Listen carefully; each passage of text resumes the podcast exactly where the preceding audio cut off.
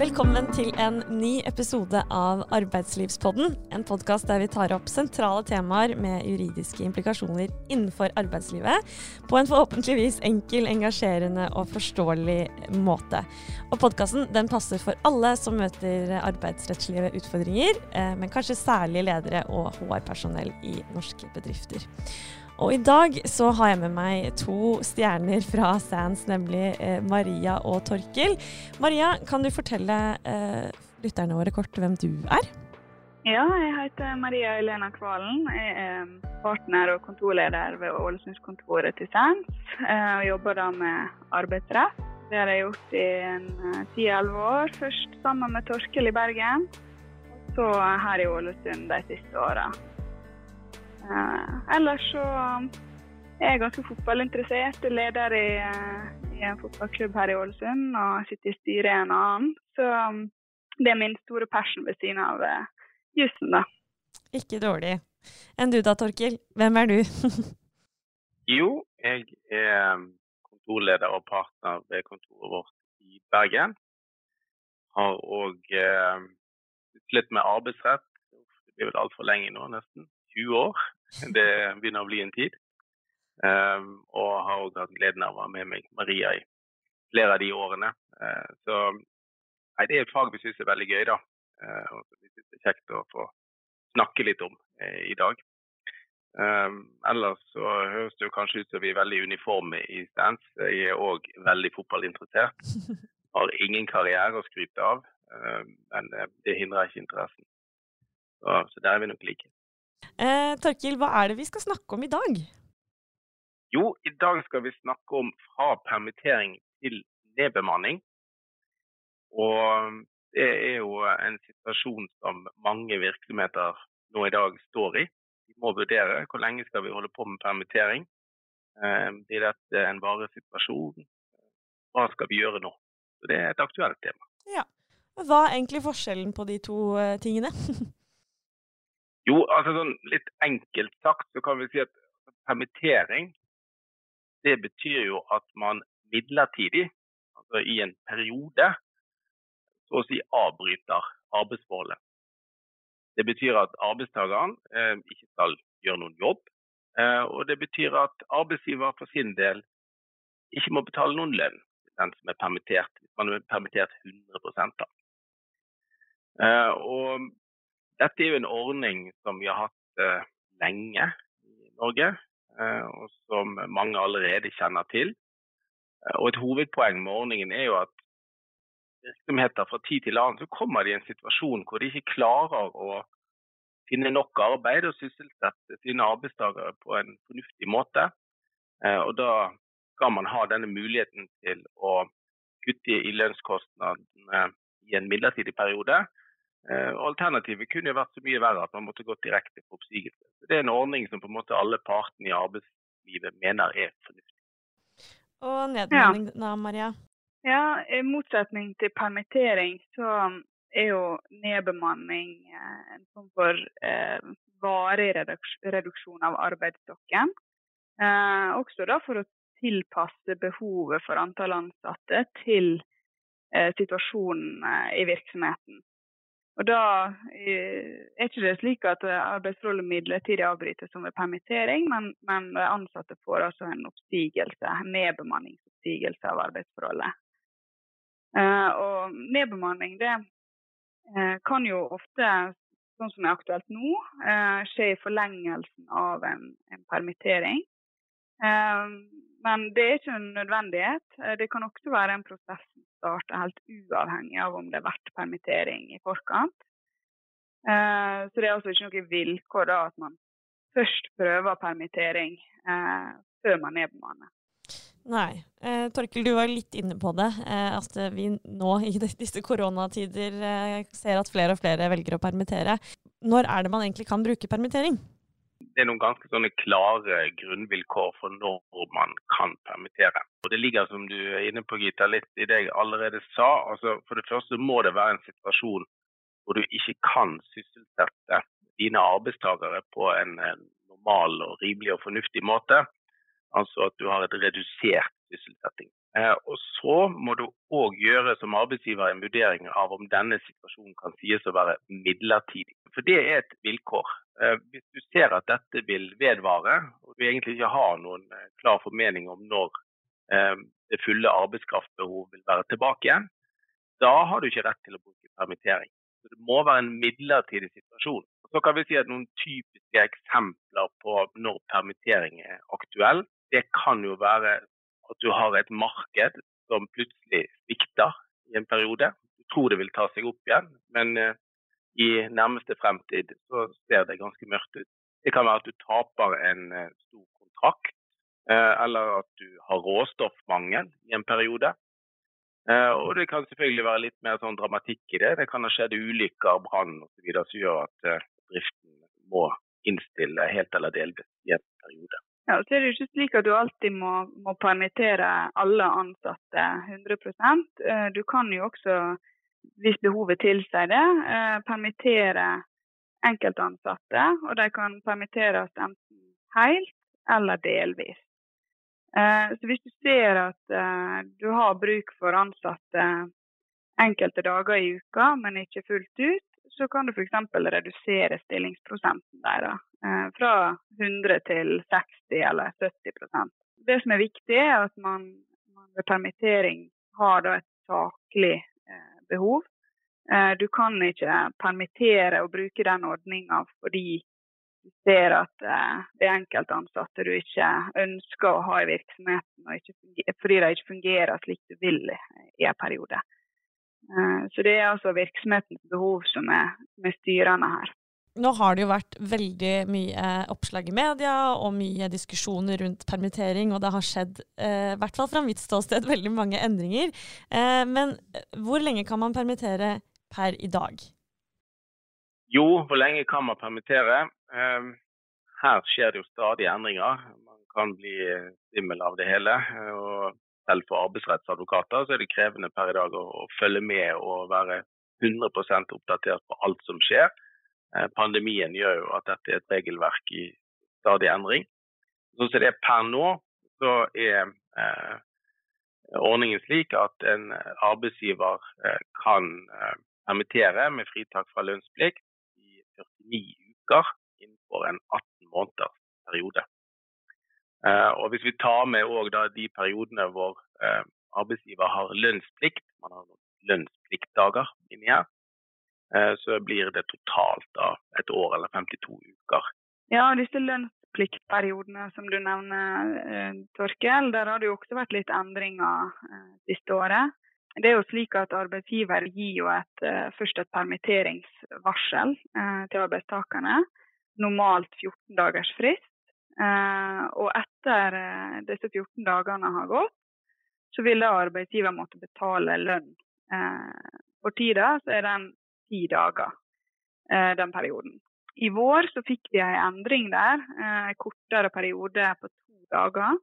Det var jo av, av hensyn til at det var veldig mange plutselige plutselig behov for permitteringer. At lovgiver da innførte en litt kortere lønnspliktperiode for å lette byrden litt fra for arbeidsgiverne. Eh, men fra 1.9.2020 så økte man altså den perioden igjen til det som har vært normalen, som er da ti dager. Så fra, fra 1.3 eh, i år eh, så er det innført en arbeidsgiverperiode to. Det har vi også vært borti tidligere under oljekrisa bl.a., når det ble et økt behov for, for permitteringer. Den arbeidsgiverperiode to Eh, den eh, er på fem lønnspliktdager. Det eh, betyr at når de ansatte har vært permittert i 30 uker, så får arbeidsgiverne en ny periode på fem dager man må betale lønn, før permitteringa fortsetter å løpe.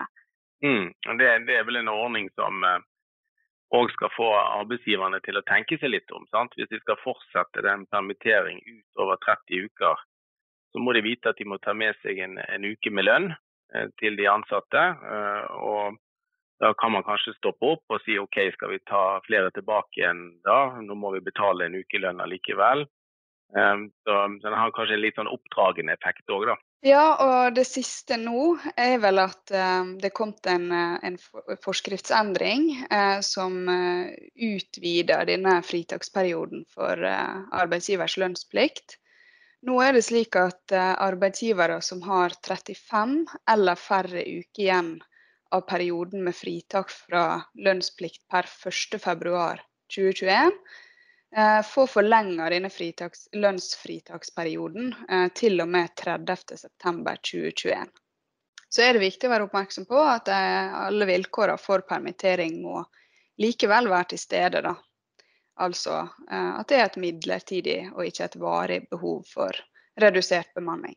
Du nevnte det litt, Maria, dette med eh, varslingsfrist. Men hvordan går man frem sånn når man skal permittere? Det er vel flere ting man må ta hensyn til? Jo, altså vi har en del saksbehandlingsregler som må følges også her. Eh, sånn er det i, i arbeids, eh, arbeidsretten. Eh, disse saksbehandlingsreglene de stammer fra tariffavtalene. For det er der på en måte permitteringsordninga har sitt opphav. Men så er det blitt slik i praksis da over tid at, at også resten av arbeidslivet, også de virksomhetene som ikke er bundet av tariffavtale, følger de samme reglene. Det er liksom sikker rett i dag. Eh, så her må alle, alle følge disse reglene. Ja, og et av de eh, sentrale kravene som vi finner i avtaleverket, og som òg følges for bedrifter uten noen tariffavtale, det er jo da å drøfte med ansatte eller tillitsvalgte eh, før man iverksetter permittering. Og mange bedrifter som ikke har eh, tariffavtale, eh, de har gjerne ikke noen tillitsvalgte. Og da er det en mulighet selvfølgelig å be om at de ansatte peker på noen som de ønsker skal ta den drøftingen med arbeidsgiver. I mindre bedrifter så kan man selvfølgelig drøfte litt mer sånn i, i allmøter. Det kan være like praktisk. Um, og så er det noen ganger, da, hvis ikke det er tid eller anledning, at man òg uh, kan eh, velge å drøfte med et uh, valgt verneombud. Og så er vi jo inne i en spesiell situasjon, og det er nok ikke tvilsomt at, at sånn som det er per i dag, så må man òg kunne gjennomføre denne type drøfting da i videomøte eller telefon, helst kanskje et digitalt møte. Fordi at det er for mange problematisk å, samles eh, fysisk. Og så var vi jo inne på denne varslingsfristen. Eh, som jeg nevnte i stad, så, så, er jo det i utgangspunktet 14 dagers varslingsfrist. Så er det eh, en, en unntaksadgang eh, for eh, hendelser som er veldig plutselige. Eh, så er det en mulighet til å bruke to dagers varsel det kan jo være veldig aktuelt i disse dager, og har for så vidt vært det litt gjennom hele pandemien. Um, selv om er, pandemien i seg selv ikke akkurat er plutselig lenger, det er jo noe vi er kjent med, og at det er stadig nye utbrudd her og der. Uh, så er det jo slik at man enkelte steder plutselig får lokale eller regionale vedtak om at man må stenge ned umiddelbart. Butikker, serveringssteder osv. Da er det for vår mening at eh, da må det være grunnlag til å bruke denne to dagers varslingsfristen istedenfor hovedregelen på 14 dager.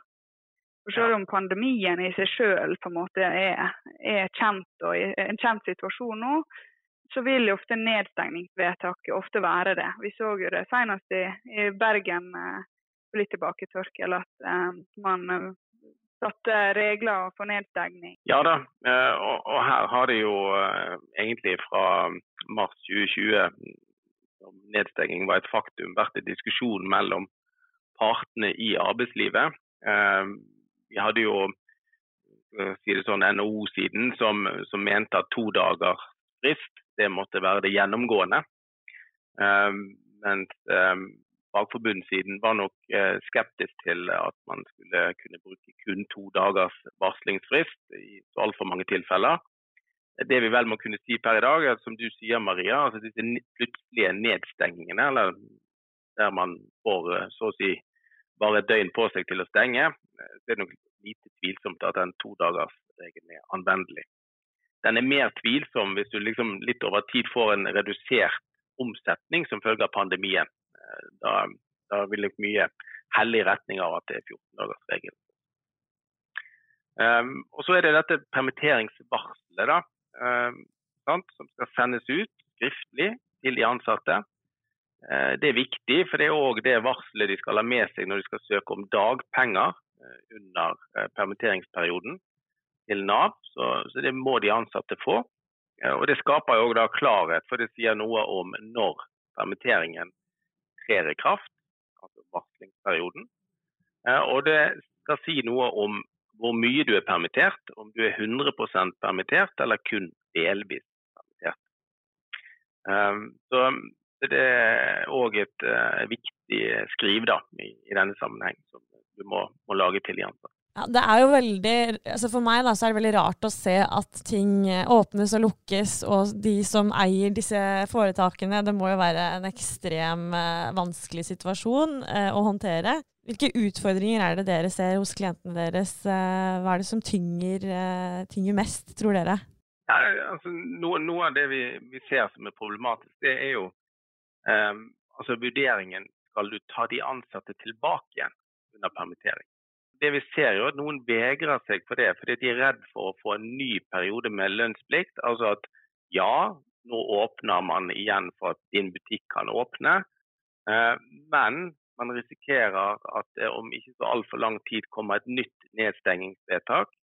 Og Så skal du da altså ut i en ny periode med lønnsplikt, og du får eh, på en måte hele opplegget tilbake igjen. da. Eh, det, det er klart at mange sitter det langt inne og tar sjansen på eh, det. Så skal det sies at du kan ta ansatte tilbake igjen fra permittering uten å få ny lønnspliktperiode. Men går det lang tid, det er vel ikke det seks uker, eh, Maria, du kan ta ansatte tilbake igjen, men går det lengre tid enn det, så må du altså i gang med en ny periode med varsling og lønnsplikt. Eh, så mm. det er dilemma som mange står overfor. Ja, og ikke minst som arbeidstaker så er det jo sikkert også veldig vanskelig å vite hvor lenge man er ute, av hvor lenge man ikke har eh, jobb. Men det er vel ikke sånn at eh, arbeidsgiver er nødt til å, å fortelle hvor lenge eh, permitteringen skal vare, er det det?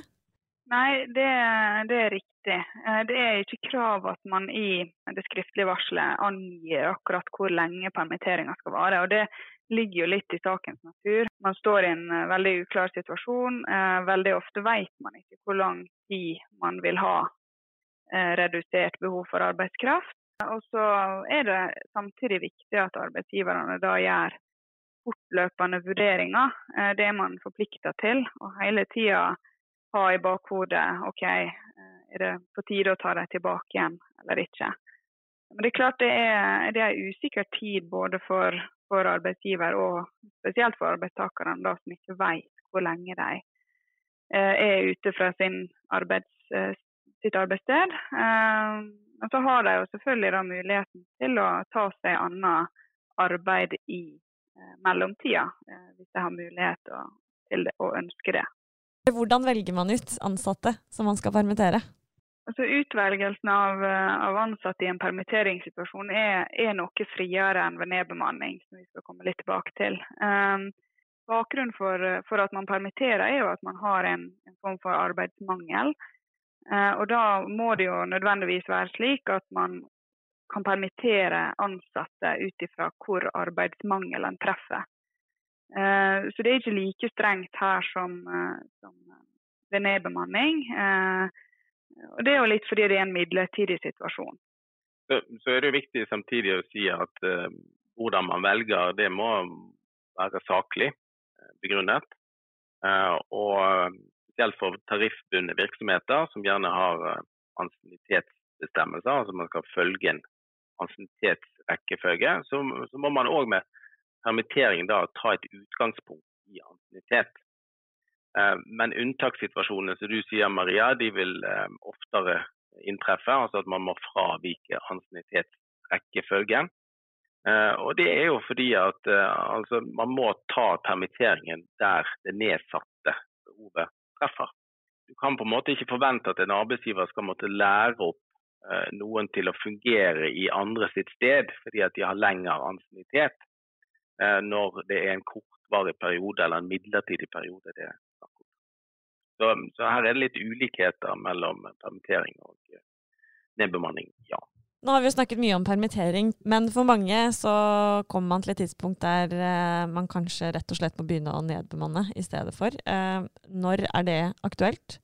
Jo, som, som, vi var litt inne på, på innledningsvis, så er jo grunnvilkåret for permittering at vi har å gjøre med en midlertidig situasjon.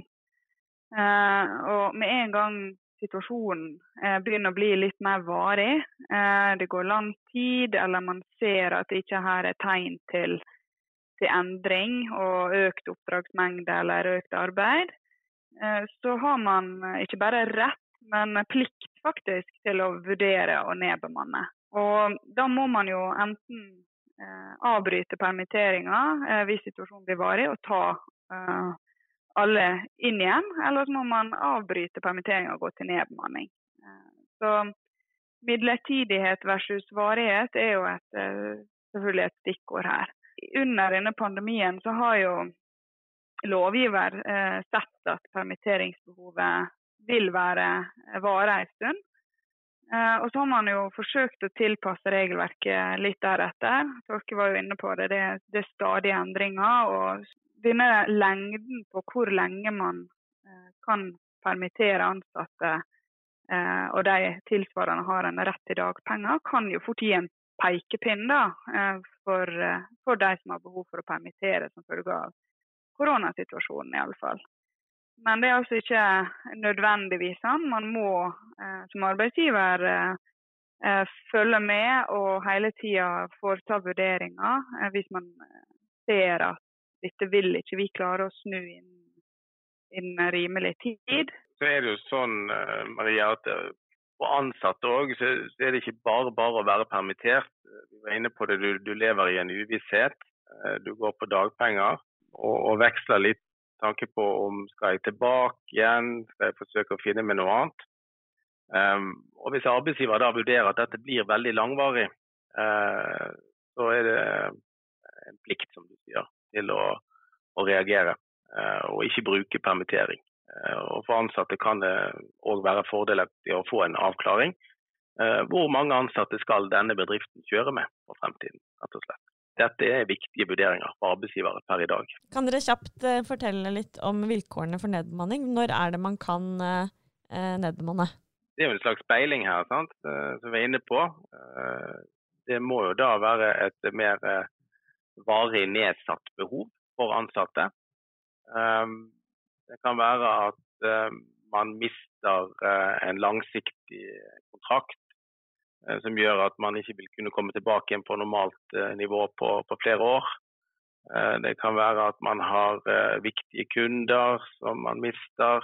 Et marked som er mer i varig endring. Vi må på en måte ta inn over oss at markedet blir ikke helt som før. Eller det kan òg være at rett og slett virksomheten ser at man klarer seg med færre ansatte. Det er jo ja. ikke nødvendigvis slik at man, man må ha røde tall da, eller, eller uh, inntektstap. Det er jo en, en, misforståelse hos en del. At du må, må vise til noe negativt eh, for å kunne, kunne nedmanne. Det er jo uh, og For min erfaring i løpet av dette året, så har jo mange arbeidsgivere sett at vi klarer oss jo faktisk med færre ansatte. Vi klarer å jobbe mer effektivt enn det vi trodde. Eh, også det kan jo Torkel gi en, en grunnlag for, eh, for, nedbemanning. Ja, absolutt. Eh, jeg håper å si Effektivisering er tillatt i Norge, òg i form av nedbemanning. Det trenger ikke å være et underskudd som er pådriveren for å, å nedbemanne. Det kan være òg et ønske om et økt overskudd. Her er vi jo egentlig i kjernen av det som var tema for Eh, for vår første podkast, altså styringsretten til arbeidsgiver, eh, det er jo litt i kjernen av den styringsretten å, å vurdere behovet for, for, bemanning og antall ansatte i, i, virksomheten. Du snakket litt om kravene til, eh, til, permittering, og at de ikke var like strenge som når man skal nedbemanne. Men hva er da kriteriene her? Jo, det er jo litt strengere krav til, til bruk av kriterier og, og utvelgelseskrets og slikt ved, ved nedbemanning. Og, og, litt av grunnen til det er jo at vi da snakker om en varig eh, endring og en varig avslutning av arbeidsforholdet. Eh, grunnvilkåret er jo selvfølgelig saklighet. Altså arbeidsgiver må ha eh, et saklig behov for å nedbemanne, som vi var inne på. Og så må oppsigelsen av den enkelte ansatte eh, også være individuelt saklig. Så Den vurderinga må foretas for hver enkelt. Eh, og når du skal velge mellom ansatte som sies opp, må du også her bruke saklige kriterier. Og veldig vanlig i dag er jo det å bruke eh, kompetanse, eh, ansiennitet, eh, som styrende kriterier. Eh, man må jo være obs på hvis man er bundet av tariffavtaler, at de kan si noe om hva kriterier som i utgangspunktet skal gjelde. da.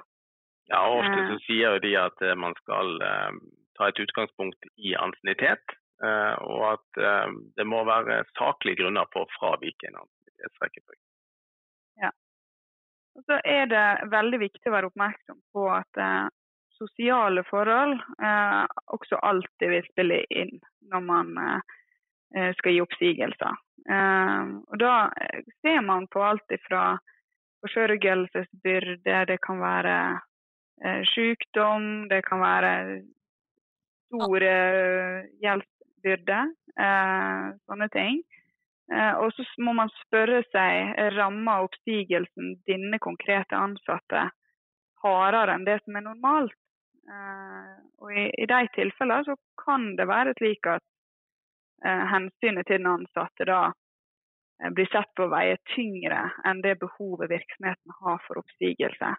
Da må man foreta konkrete vurderinger. og det er klart Vekta av dette hensynet sosiale forhold vil jo eh, bero litt på, på, hvor stort behov man har for nedbemanning. Altså Jo mer kritisk det er for en arbeidsgiver å, å redusere antall ansatte, jo tyngre vekt får jo det i den avveininga. Ja, som, som tanke på dette med sosiale forhold, så, så står vi nå i en situasjon eh, hvor typisk eh, du har eh, et samboerpar eller ektefeller som jobber samme bransje, kanskje til og med samme virksomhet. Uh, det kan være et hotell eller flyselskap eller uh, reiselivsbedrift. Og hvis begge da risikerer oppsigelse samtidig, Eh, og har forsørgerbyrde, så forstår nok de fleste at det er en utrolig eh, lei situasjon. Eh, og et forhold som kan komme inn da, som en vurdering knyttet til om begge skal sies opp. Om det er rett og rimelig i en sånn situasjon. Det, det er et eksempel på at sosiale forhold òg kan spille inn med tanke på hvem det er saklig å velge ut. Vi var inne på dette med permitteringer, at det ofte kan gå over fra en permisjon til en nedbemanning. Men hva skjer med eh, de som da allerede er permitterte? Eh, fortsetter permitteringen i oppsigelsestiden? Før vi, før vi eh, svarer på om permitteringen fortsetter i oppsigelsestiden, så, så er det én ting som er viktig for oss å si. Eh, og, Der er det flere arbeidsgivere som misforstår. Eh, og Hvis man da har brukt permittering, så skal over i nedbemanning, så må man være veldig oppmerksom på at det er ikke nødvendigvis akkurat de samme som har vært permittert, som vil kunne få oppstigelse i en nedbemanning.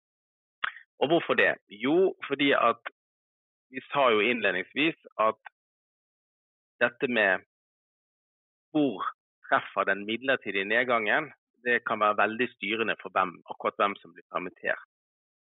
Men når du skal gå til nedbemanning i en bedrift, så må du tenke mer helhetlig. Eh, du må ha alle ansatte eh, som utgangspunkt eh, som utvalgskrets og hvem du skal velge mellom. Og i og med at dette nå er en varesituasjon, så vil òg pliktene til å på en måte kunne lære opp noen eh, på et annet område være strengere. Sånn at f.eks. en med 30 års ansiennitet ikke skal kunne måtte sies opp, eh, og en med ett års ansiennitet beholder jobben. Eh, der kan det være mye strengere plikter for arbeidsgiver til å vurdere om du må ta hensyn til ansiennitet. Så, så her er det viktig å være obs på at det er ikke nødvendigvis de samme som er permittert som får. Det var det første. Og så er spørsmålet kan du fortsette permittering av noen som eh, blir eh, utsatt for nedbemanningsoppsigelse? Nei, det kan du ikke. Du kan ikke fortsette permitteringen inn i oppsigelsestid. Eh, du må eh, avbryte permittering idet du eh, vurderer oppsigelse av en ansatt. Og Det betyr jo en likviditetsbelastning, for du må da betale lønn i oppsigelsestid til de som du eh, bestemmer deg for å gi opp. Det er viktig for arbeidsgiver å være klar over at eh, det er en konsekvens av å avbryte permittering og gå over i oppsigelser. Så når du sier opp noen, er, eller hvis det er nedmanning, da, det vil jo i hvert fall i den situasjonen vi er i nå, være fordi at Things are hard. Tough times ahead. Men da betyr det mm. at du igjen får lønnsplikt i gjerne da tre måneder, da, kanskje? Hvis du har Ja, det er riktig. Altså, ja. ofte, ofte, har man tre, tre måneders oppsigelsestid. og Da må du ta den ansatte inn igjen eh, og uh, betale Jeg Der har på en måte lovgiver sagt at uh, lønn i oppsigelsestid det er ikke noe byrde som staten skal bære. Det er et kontraktforhold mellom arbeidsgiver og arbeidstaker, og der må, må arbeidsgiver betale. Den, det ansvaret kan man velte over på, på dagpengeinstituttet. Da. Eh, da vil de måtte få lønn i oppsigelsestid før de kan søke dagpenger som, som arbeidsledige eventuelt. Har dere vært borti noen tilfeller der eh, arbeidsgiver rett og slett ikke har liksom råd? Hvis vi betaler eh, lønn i oppsigelsestiden, så ligger vi tynt an. Hva skjer da? Ja, vi har absolutt vært borti vurderinger hvor det er tøffe avgjørelser som må tas der. Ehm, men det som er viktig òg, er at en arbeidsgiver kan ikke liksom bare fortsette å holde ansatte permittert eh, fordi at man ikke har råd til lønn i oppsigelsestid. Eh, det er ikke en eh, lovlig permittering når man ser at dette er varig. altså liksom Bare holde folk på permittering. Eh, så da må du forsøke å refinansiere, eh, eller eh, i verste fall så er det jo det som ofte skjer med bedrifter, at når ikke man kan betale lønn til ansatte, så må man begjære oppbud, og det blir en konkurs. Og Det er jo det vi frykter nå, da, at vi ser kanskje konturene av at vi vil få flere bedrifter som, som har problemer nå utover i 2021. Så det er en ting vi kanskje også kan påpeke, og det er at man kan faktisk ha en situasjon hvor noen ansatte eh, fortsatt er permittert, mens andre opplever eh, at man får oppsigelse grunnet nedbemanning.